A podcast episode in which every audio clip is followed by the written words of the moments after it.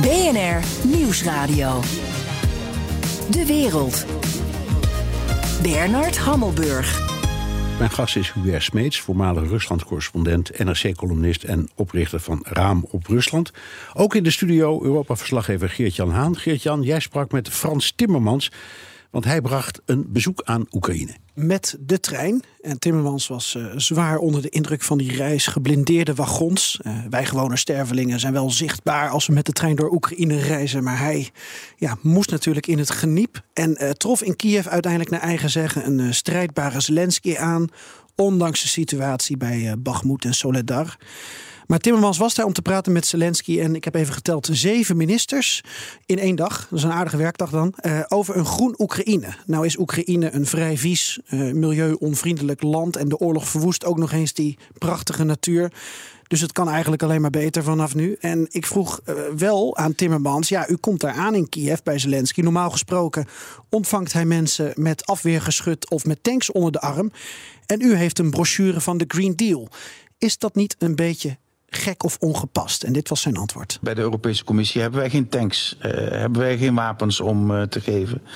Wat we in huis hebben is heel veel expertise uh, die nodig is bij een economische omwenteling, die nodig is bij modernisering, die nodig is om het traject te kunnen volgen om lid te kunnen worden van de Europese Unie. En uh, de Oekraïners uh, op straat, zowel als in de politiek, hebben één hartewens. En dat is uiteindelijk lid worden van de Europese Unie. En daar kunnen wij bij helpen. En als je die stappen nu al zet terwijl die oorlog nog woedt, dan geef je de Oekraïners ook hoop dat ze een kans maken om lid te worden van de Europese Unie. Dan geef je de Oekraïners ook hoop dat ze onderdeel kunnen zijn van een moderne economie, van een duurzame economie. Ze willen het allemaal graag. En, en onze taak bij de Europese Commissie is om uh, ervoor te zorgen dat we ook de, de concrete stappen zetten. Ja, en er spelen hier volgens Timmermans dus een aantal dingen. Eén, Oekraïne wil bij de EU. Nou, dan moet je toch een veel groenere economie hebben. Meegaan in die transitie die Timmermans nu in de EU al inzet als, als klimaatpaus. Twee, als je over wederopbouw gaat praten in Oekraïne. Ja, in de visie van Timmermans kun je het dan beter nu op een bepaalde manier goed doen in zijn ogen. Dan dat je nu weer uh, een grijze wederopbouw hebt. En over een paar jaar een groene wederopbouw nodig hebt. Waarom niet nu al nadenken over groen staal in plaats van grijs staal?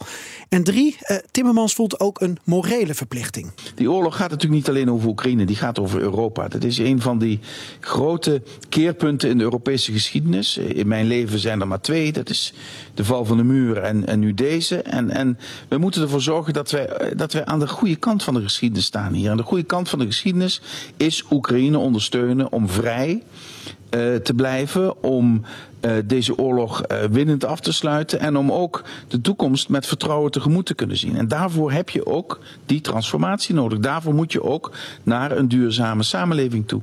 Even naar Hubert Smeets, heeft Timmermans punt? Ja, um, Oekraïne is een land met een hele ingewikkelde geschiedenis, met een buitengewoon beroerde bestuurscultuur. Uh, door die oorlog wordt natuurlijk heel veel met de mantel der liefde bedekt. Dat is begrijpelijk, dat is logisch, dat is ook helemaal niet verwerpelijk. Maar het is denk ik belangrijk om wanneer je uh, na een oorlogssituatie uh, een goed, positief Oekraïne wil bouwen dat bij Europa kan aansluiten, dan meteen ook te zeggen.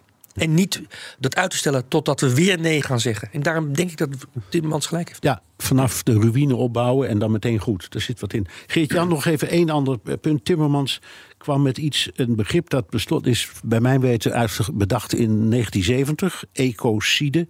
En dat ging toen over het Amerikaanse gebruik van napalm in, uh, in Vietnam. En daar kwam hij nu over met een ja, code daarover. Ja, eigenlijk een soort uh, oproep ook aan Oekraïne. Uh, ga bijhouden uh, wat voor misdaden tegen de natuur en milieu de Russen nu in Oekraïne plegen. Het hele gesprek met Timmermans, dat heb ik ook online gezet in de nieuwste uh, Perestroikast. Dan heeft hij het ook nog wat uitgebreider op, op die, die, die groene hand die die reikt aan de Oekraïne. Kun je die details nog terugluisteren. Maar als je het hebt over die ecocide, het is een ja, variant op, op genocide. Zelensky beschuldigt Rusland van allebei, van genocide en van ecocide.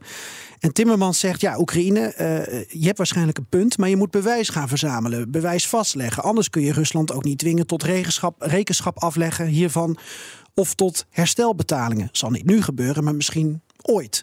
Als je dat wil, moet je bewijs hebben. Nou, en Timmermans wil Oekraïne hier ook bij ondersteunen. Alleen, het is ook gewoon een heel nieuw terrein. Ook al is het begrip al uh, wat ouder volgens jou, Bernard. Ja, juridisch is het nog wel ingewikkeld. Ook voor forensische experts. Waar moet je nou op letten? Wat is nou bewijs? Welk stukje boom of welk stukje orka neem je mee? Maar Timmermans, ja, die vindt dat geen argument. Eh, na de Tweede Wereldoorlog eh, is er ook een nieuw terrein uh, uh, ontdekt in de rechtspraak. En dat is, dat is genocide, dat is misdaden tegen de menselijkheid. En ik denk dat we in deze fase van onze ontwikkeling ook eens moeten kijken naar misdaden die tot ecocide leiden, die tot verwoesting van natuur leiden. Dat zijn ook misdaden die een direct gevolg hebben voor de overlevingskansen van onze soort. Hè? dus, dus die moeten veel meer aandacht krijgen en veel ernstiger worden genomen dan in het verleden is gebeurd. Hubert, Hubert, is dit tot Moskou doorgedrongen? Nee, dat denk ik niet. Nee. Uh, maar ik sluit niet uit dat er in de financiële sectoren, sectoren van uh, Moskou en het Kremlin wel mensen zijn die dit allemaal bijhouden. Want ook zij moeten natuurlijk de rekening op gaan maken. En daar zullen ze denk ik wel huiverig voor zijn. Zeker de uh, directeur-president van de Centrale Bank van Rusland. Ja. Gert-Jan, dankjewel. Interessant verhaal weer van uh, we gaan luisteren naar de Perestrojkast, uiteraard. Bij BNR ben je altijd als eerste op de hoogte van het laatste nieuws. Luister dagelijks live via internet. Jelle Maasbach. Wesley Weert. We zijn er voor je met het leukste, opvallendste, maar natuurlijk ook het belangrijkste nieuws. Tijdens de presentatie van die halfjaarcijfers toen die beurskoers in elkaar kukkelde. BNR Beurs. Voor de slimme belegger. Blijf scherp en mis niets.